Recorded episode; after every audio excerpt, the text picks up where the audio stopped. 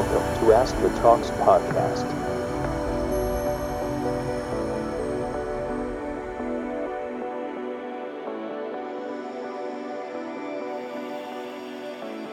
විද්‍යාත්මයක් වෙන්නේ කොහොමද කියන ප්‍රෝග්‍රෑම් එකේ තව එපිසෝඩ් එකක් මේ විදියට අද පටන් ගන්නවා ඉතින් ඔයගොල්ලන්ට පුළුවන් මේ ප්‍රෝග්‍රෑම් එකේ පොඩ්කාස්ට් වර්ෂන් එක Apple පොඩ්කාස්ට් Google පොඩ්කාස්ට් සහ Spotify කියන ඇප්ස් වලින් අහන්න අද ගොඩක් සුවිශේෂී ප්‍රෝග්‍රෑම් එකක් තමයි අපි කරන්නේ. මොකද ලංකාවෙන් බිහුණ කීර්තිමත් විද්‍යාඥයෙක් තමයි අද අපි කතා කරන්නේ. විශේෂම මේ රසායන විද්‍යාවට නැඹුරුවක් තියෙන කට්ටිය අනිවාර්යෙන්ම දන්න කෙනෙක් තමයි අද අපේ ප්‍රෝග්‍රෑම් එකට එන්නේ. ඒ තමයි ආචාර APD සිල්වා ඔහු දැනට එක්සත් රාජධානයේ මේ උතුරු අයර්ලන්තේ කොයින්ස් යනිවසිටිය එකේ මහාචාරිදූරයක් දරනවා. ඉතින් ප්‍රොෆෙස AP අපේ ප්‍රෝග්‍රෑමකට සාදරයෙන් පිළිගන්න අයිබෝන් අනේ අයිබෝන් නශා ප්‍රොෆෙස APගේ විශය ෂේත්‍රය ගැන ෆිල් එක තමයි ප්‍රකාශ රසාන විද්‍යාව කියන ගැන ෆොටෝ කෙමිස්ට්‍රී දැන් මේ විෂය ගැන වැඩිය දන්නේ නැති කෙනෙක්ට තේරණ විදිහට ඔබතුමාට මේ ප්‍රකාශ රසායන විද්‍යාව කියන්න මොකක්ද කියලා පැහැදිලි කරලා දෙන්න පුළුවන් අනේ පුළුවන් පුළුවන්. මේ ප්‍රකාශ රසායන විද්‍යාව කියන්නේ අශන් මේ ආලෝකයයි සාමාන්‍ය අපේ ලෝකයේ තියෙන නොයෙක් අනිත් සංගට එක්කයි තියෙන මොකක් හරි ගැවසීමක් තියෙනවා නම් ඒක තේරුම් ගන්න එකයි. ඒ කියන්නේ සාමාන්‍ය පදාර්ථයක් මොකක් හරි කියන අතට අල්ලන්න පුළුවන් දෙයක් අපි ගත්තෝතින් ඒකට ආලෝකය පතිත කරාම ඒ ඒ සංයෝගය වෙනස් වෙනවා. ඒ වෙනස් වෙන එක තේරුම් ගන්න එකට තමයි ප්‍රකාශ රසායන විද්‍යාව කියන්නේ.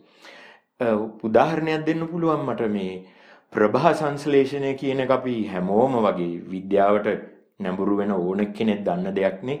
ඒ කියන්නේ ගහක් කොලක් අපි අපිට හොඳට තේරෙන දේ විශේෂයෙන්ම ලංකාව වගේ තැනක අවුව හොඳට පායනකොට වතුර ටිකක් හොඳට ලැබෙනකොට ගහක් කොලක් අර කියන්නේ නේද කෝටු කෑල්ලක් හරි පොළොවේ ගැහුවාම ඕක පළවෙයි ඒකෙන් පළදාවල් ලැබෙයි කියලා.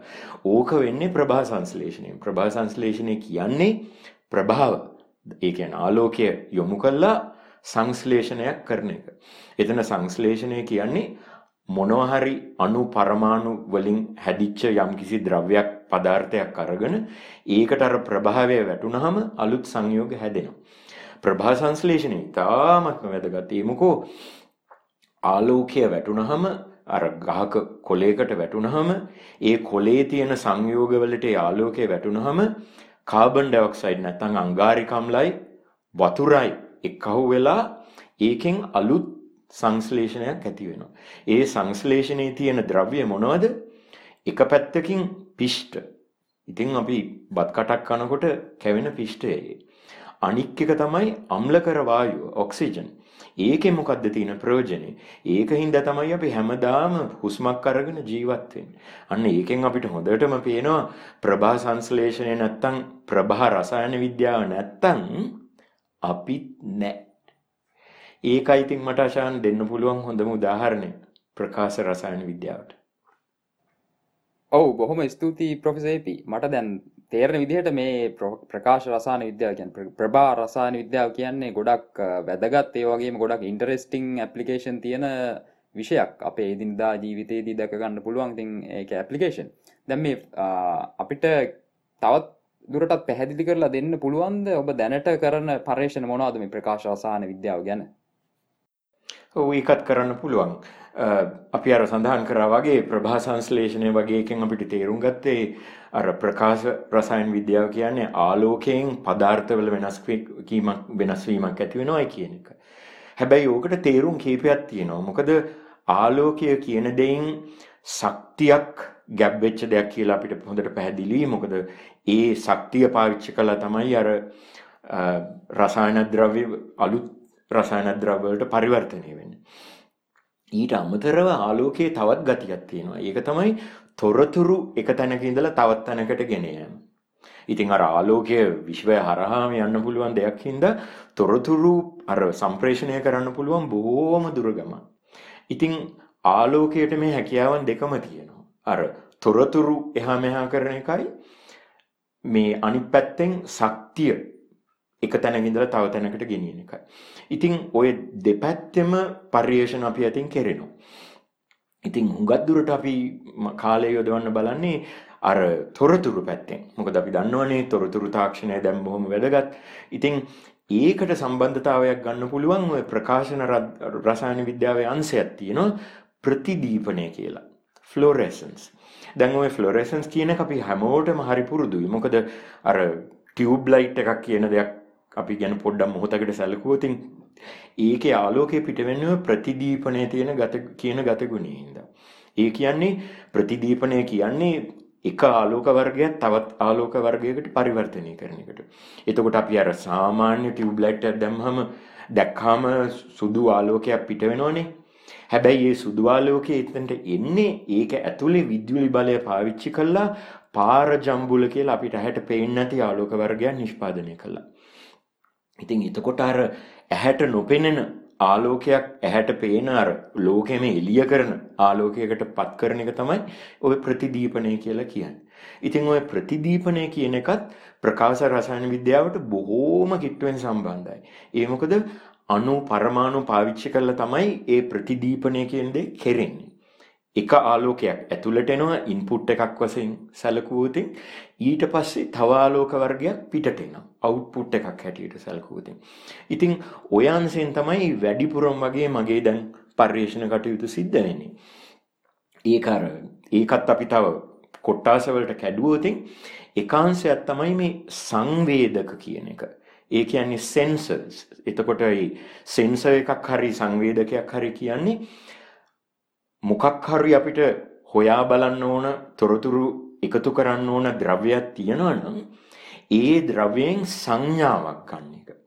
උදාහරණයක් දුන්නොත් මේ විද්‍යාවෙන් සම්පූර්ණයෙන්ම පිට උදාහරණයක් දුන්නොත් අපි දන්නවා අර ගැමි වහරේ වගේ ලංකාවේ අපේ තියෙන අර අංජනම් බලනවා කියන එක.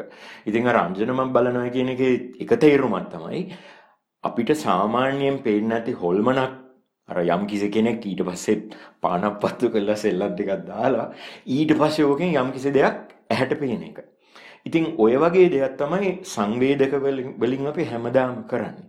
සංවේදක වලින් අපි කරන්නේ ඇහැට පේන්නේ නැති දේවල් ඇහැට පේන තත්වයකට ගේන එක. ඒ ඒ ඒ විදිහේ සංවේදක හැම තැනම වගේ පාවිච්චි වෙනවා. මම තව ටිකක් අපි කතාව යනකොට මම උදාහරණයක් පෙන්නන්නම්. එතකොට එතනදී අපි කරන්නේ රසායන ද්‍රව්‍ය අපි පර්යේෂණාගාරයක පිළියෙල කළා. ඒ රසායන ද්‍රව්‍යයට අපි හැකියාවක් දෙනවා අර අපිට ඇහැට නොපෙනෙන දෙයක් ඒක අල්ලලා ඒකෙන් සංඥාවක් ගන්න. විශේෂයෙන්ම මම පෙන්වන්න කැමති උදාහරණයක් තියෙනවා. ඒ උදාහරණය තමයි සෝඩියම් වගේ ඒක අපි අපිට කල්පනා වෙනවක පරමාණුවක්. එක එක පරමාණුවක් තියෙන දෙයක්. ඉතින් පරමාණුවක් බොහොම පුංචි දෙයක් හින්දා අපේ පියවිය හැට පේන්නේ. අන්වීක්ෂයෙන් වගේ සාමාන්‍ය අන්වීක්ෂකින්වත් බලා ගන්න බෑ. විශේෂ අන්වීක්ෂ දැන් කාලේ තියෙනවා. ඒ වුණාට සාමාන්‍ය පාවිච්චි ඒ වගේ අන්වීක්ෂ නැහැ. ඒ කියන්නේ අන්න හොල්මන.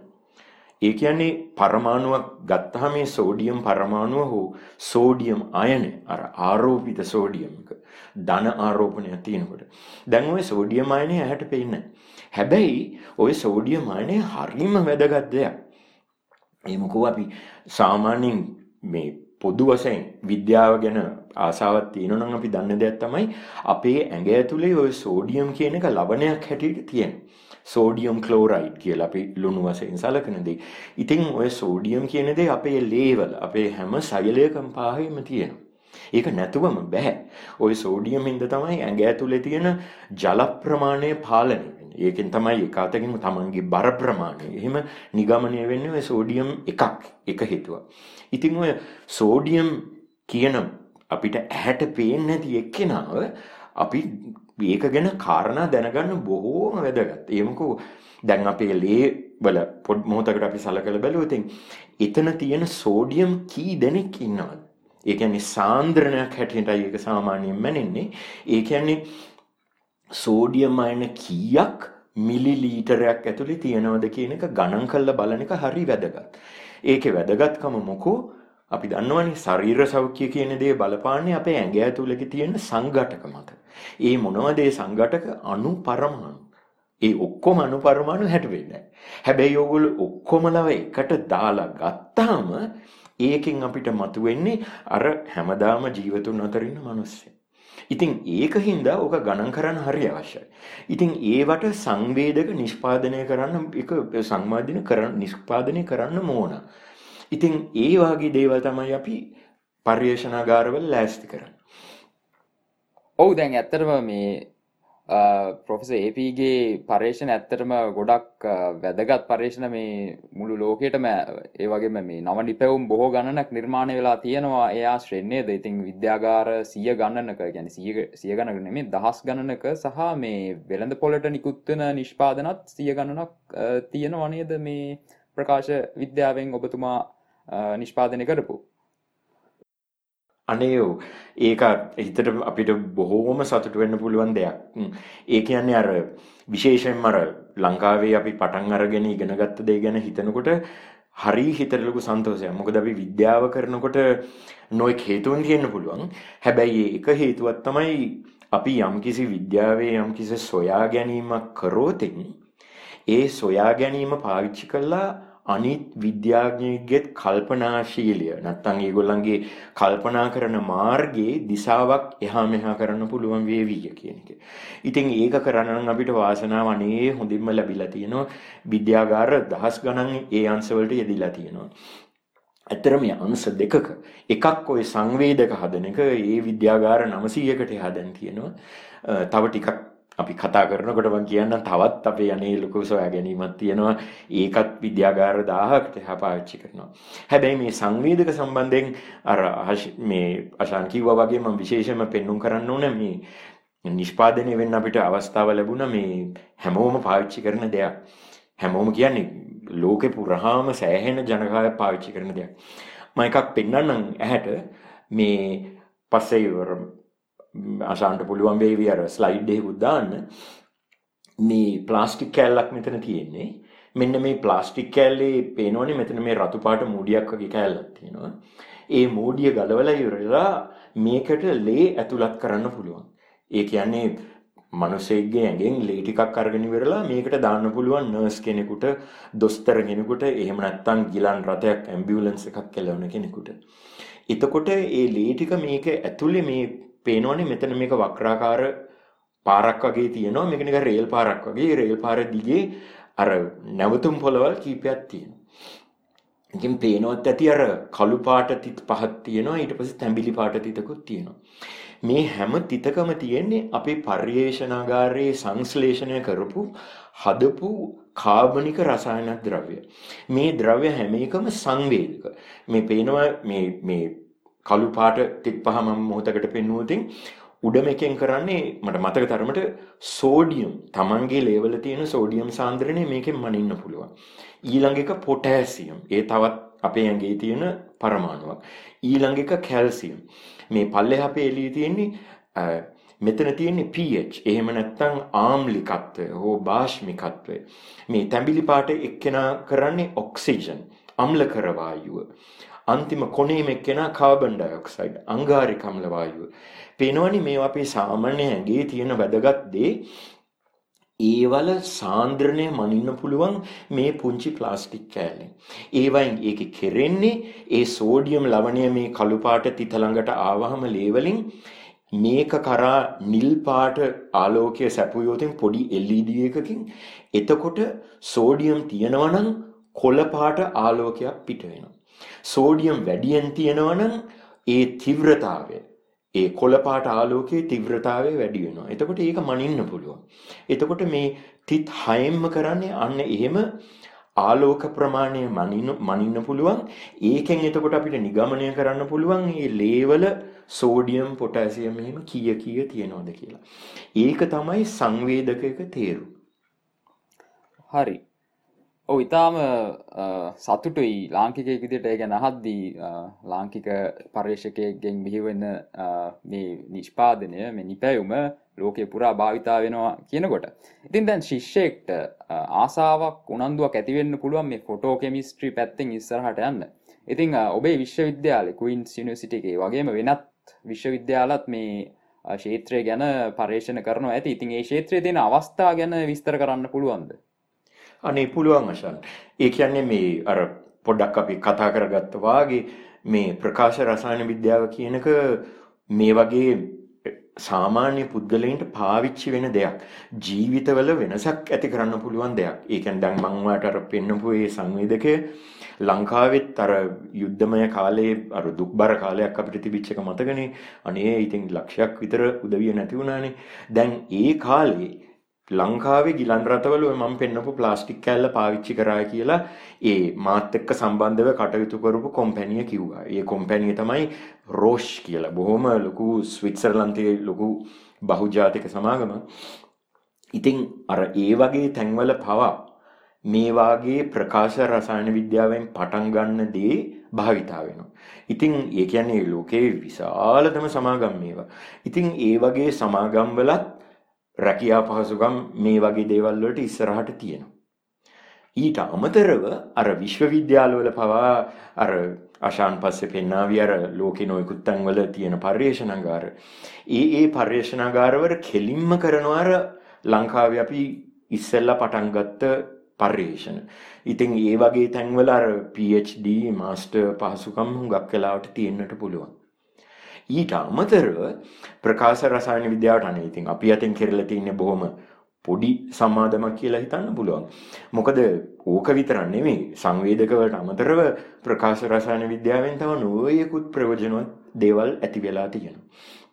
ඉතින් ඒක හින්දා ඒ වාගේ ඒ කියන්නේ වෛද්‍ය කටයුතු වලට අවශ්‍ය වෙන්න පුළුවන් දැන් මම මම පෙන්නපු උදාහරණය වගේ එහෙම නැත්නම් සමහරලාට ඊට වඩා මොකක් කාර්මික ප්‍රයෝජන උදාහරණයක් හැටියට ගත්තාම ඔය ගොඩනැල් ගොඩනැගිල්ලක එළියේ තියෙන ප්ලාස්ටික් ද්‍රව්‍ය දැන් හුඟක් කල් හුඟක් තැන්වල අපි දැකලා තියෙනවනේ.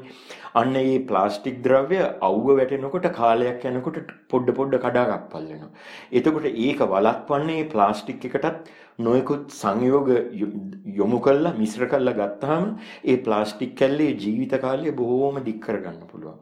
ඉතින් ඒ වගේ දේවලුත් ප්‍රකාශ රසායන විද්‍යාවට අයිති වෙන ක්ෂේත්‍ර.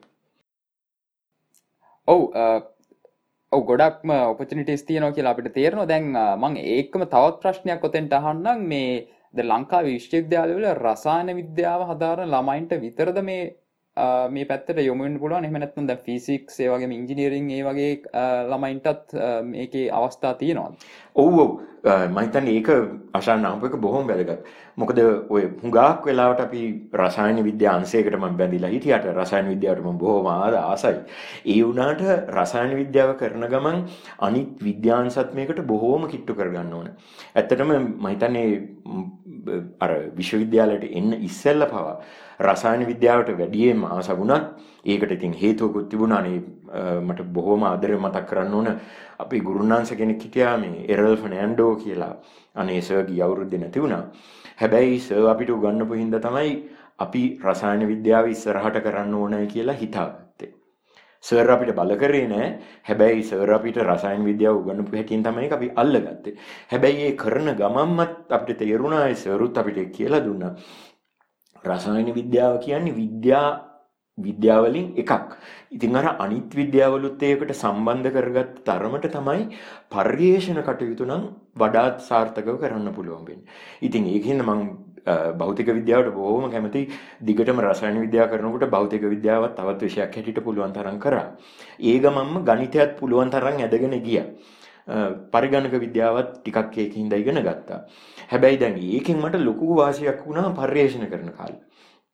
ඉතින් ඒකෙන් මට කියන්න පුළුවන් අර පරිගණක විද්‍යාව කරන කෙනෙක් වුණත් භෞතික විද්‍යාව කරන කෙනෙක් වුණත් ජීව විද්‍යාව ගැන මගේ එච්චර අත්පුරුද්දක් නැහැ. ඒ වයින්ොත් මේ වගේ විෂයට එන්න පුළුවන්. ඒකට හේතුවක් උදාහරණයක් හැටියට මම කිව්වොත් ඔය සංවේදක හදන එක අපේ එක අංශයක් අනිත් අංශය තමයි ඒක නම් අනේ අපෙන්ම පටන්ම ගත්තේ ඒක නම් ඒකත් ලංකාවේදී තමයි ඒකේ මූලාරම්භය ඇති වුණේ මේ ලංකාවේ මේ භෞතික විද්‍යාඥයෙක් ඉන්නවනේ මගේ බොහෝම කිට්ටු යාළුවෙක් සතීෂ් නමසේවායම් කියලා මේ කොළඹ කැම්පස් එකේ හිටි ඉගෙන ගත්තේ. දැන් එයා මොරටු විශ්වවිද්‍යාලේ ඉන්නේ. ඉතින් එයා මට මේ ලොජික් ගේට්ස් ගැන ඉගැන්නුවා.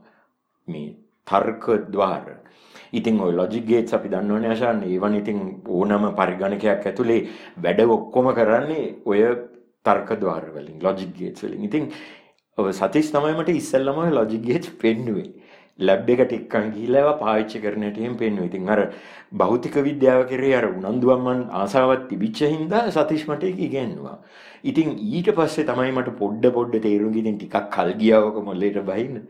ඊට පස්සේ තමයි තේරුම් ගියේ ආ බැරිද අණු වලින් පරිගණක විද්‍යාවේ පාවිච්චි කරන මේ ලොජික් ගේට් හදන්න කියලා.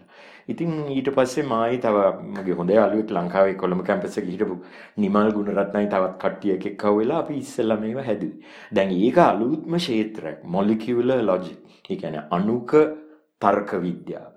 ඉතින් ඒක පාවිච්චි කළා පරිගණක පැත්තට සාමාන්‍ය ජීවත් වෙන අපේ ඇඟ ඇතුලේ සිලිකන් කෑලි නැති වුණාට අපිටත් පරිගණකවල කරන්න පුළුවන් දේනේ අපි හැමදාම කරන්නේ. ඒකනේ අපි සාර්ථකව ජීවත් වෙන්නේ.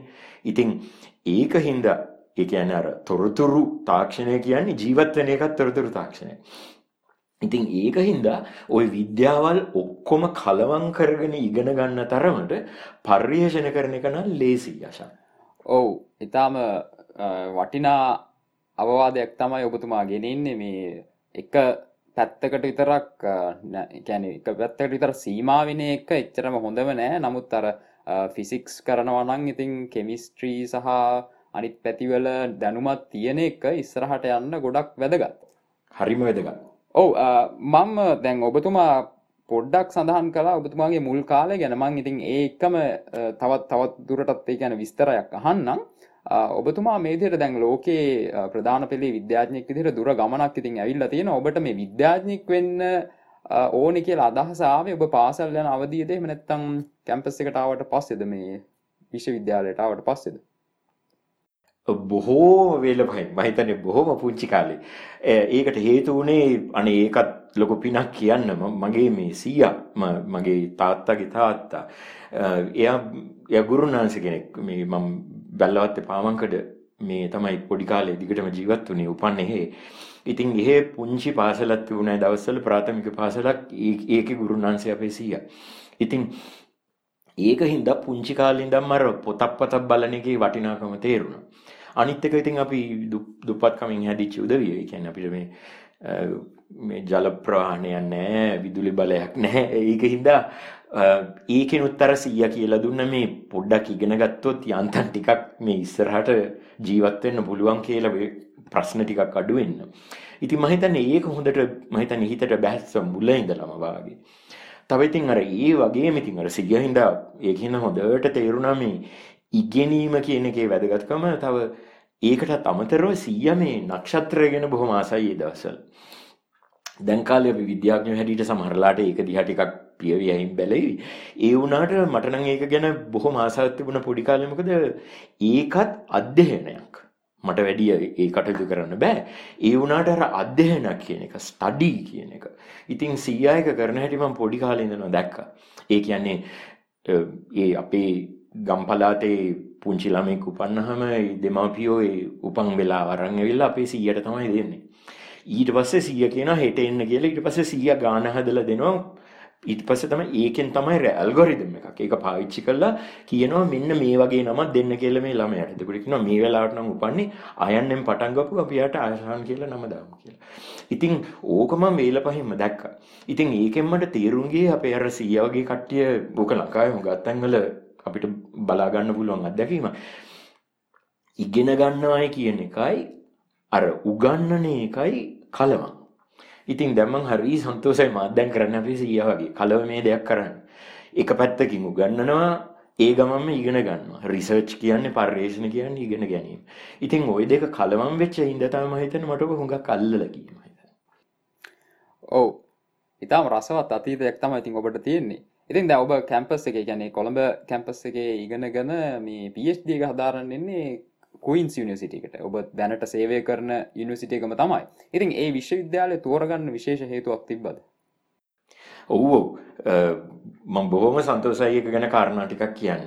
ඒ කියන්නේ මම සෑහෙන වයසක කෙනෙක්. ඉතින් මං මේ අපේ උපාදිය අහවල් ඉවර කල්ලා ඉවරලා ඊට පස්සේ දැන් පශ්චාත් උපාදියක් කරන්න දැන් කල්පනා කරන්න එපාය.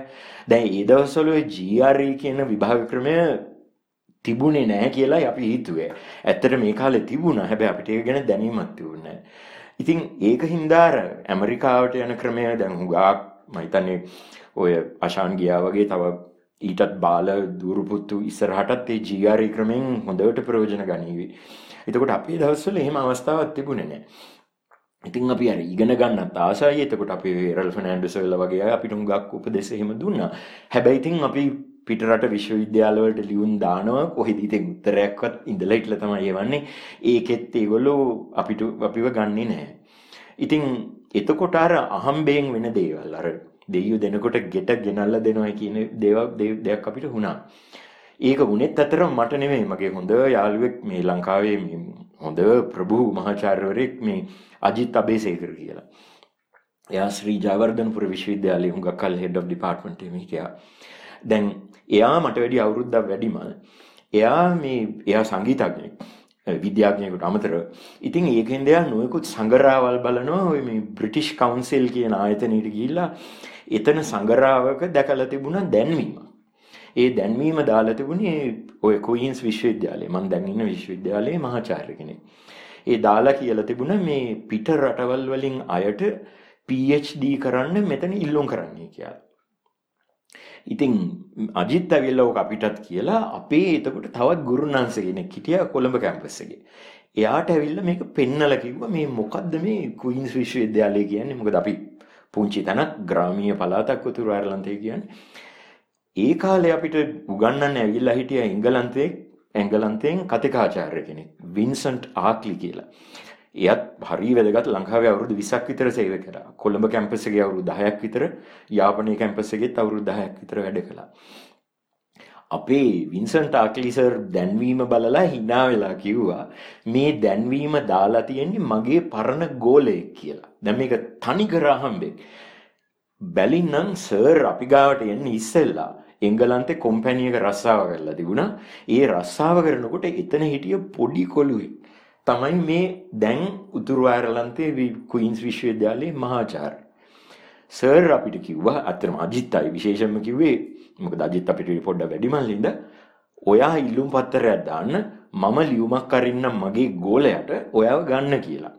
ඉතින් අනේ ගෝලයා ප්‍රතිඵල ආපහු ලියුමක් එවපි බොහොම ඉක්මනින් අනේ සර් කියනවා නම් මං ගන්නම් ගෝලයාව ඒ කියන්නේ අජිත් අබේසේකරව ගත්තා මං එයාව බලා ගන්න කියලා. මොකද ඒක හරි වැදගත්. ඒ කාලේ සිවිල් යුද්ධයක් තිබුණා උතුරු අයර්ලන්තයේ. ලංකාවේ යුද්ධේ පටන් ගන්න ඉස්සෙල්ලා උතුරු අයර්ලන්තයේ යුද්ධය තිබුණේ. ඉතින් ඒකින්ද එහාට කවුරුත් වැඩි එන්නේ නැහැ. හැබැයි ඇත්ත අජිත් හොඳට බලාගත්ත ඊළඟ අවුරුද්දේ තව අශෝක් රාමසුබු කියලා කෙනෙක් ආවා. තුන්වෙනියට ආවා මං. ඊට පස්සේ නිමල් ගුණරත්න කියන කෙනා. ඉතින් අපි ඔක්කොමලට ඔය අවස්ථාව ලැබුණේ අහම්බෙන්. අනේ වාසනාවක් තමයි. ඔව්.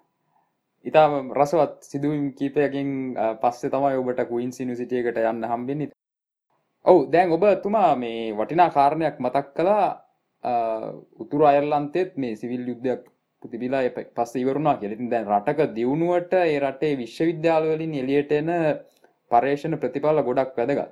ඉතිං මේ PhD එකක් හදාරන්න අපි මේ වෙන්න රටවල්ලට ගියාට පස්සේ තමයි ඉතින් ඒක තේරෙන්නේ දැන් අපේ රටේ ඉන්න සමහර ළමයින්ට සමහරලාට හිතෙන්න පුළුවන් අපේ ලංකාවේ විශ්වවිද්‍යාලවල ගොඩක් ලොකුව ඉම්පැක්ට් එකක් තියෙන පර්යේෂණ කරන්න බැරි අපිට තියෙන අඩු පහසුකම් කියලා. ඉතින් ඔබතුමාට මේ ගැන මොකක්ද කියන්න තියෙන්නේ?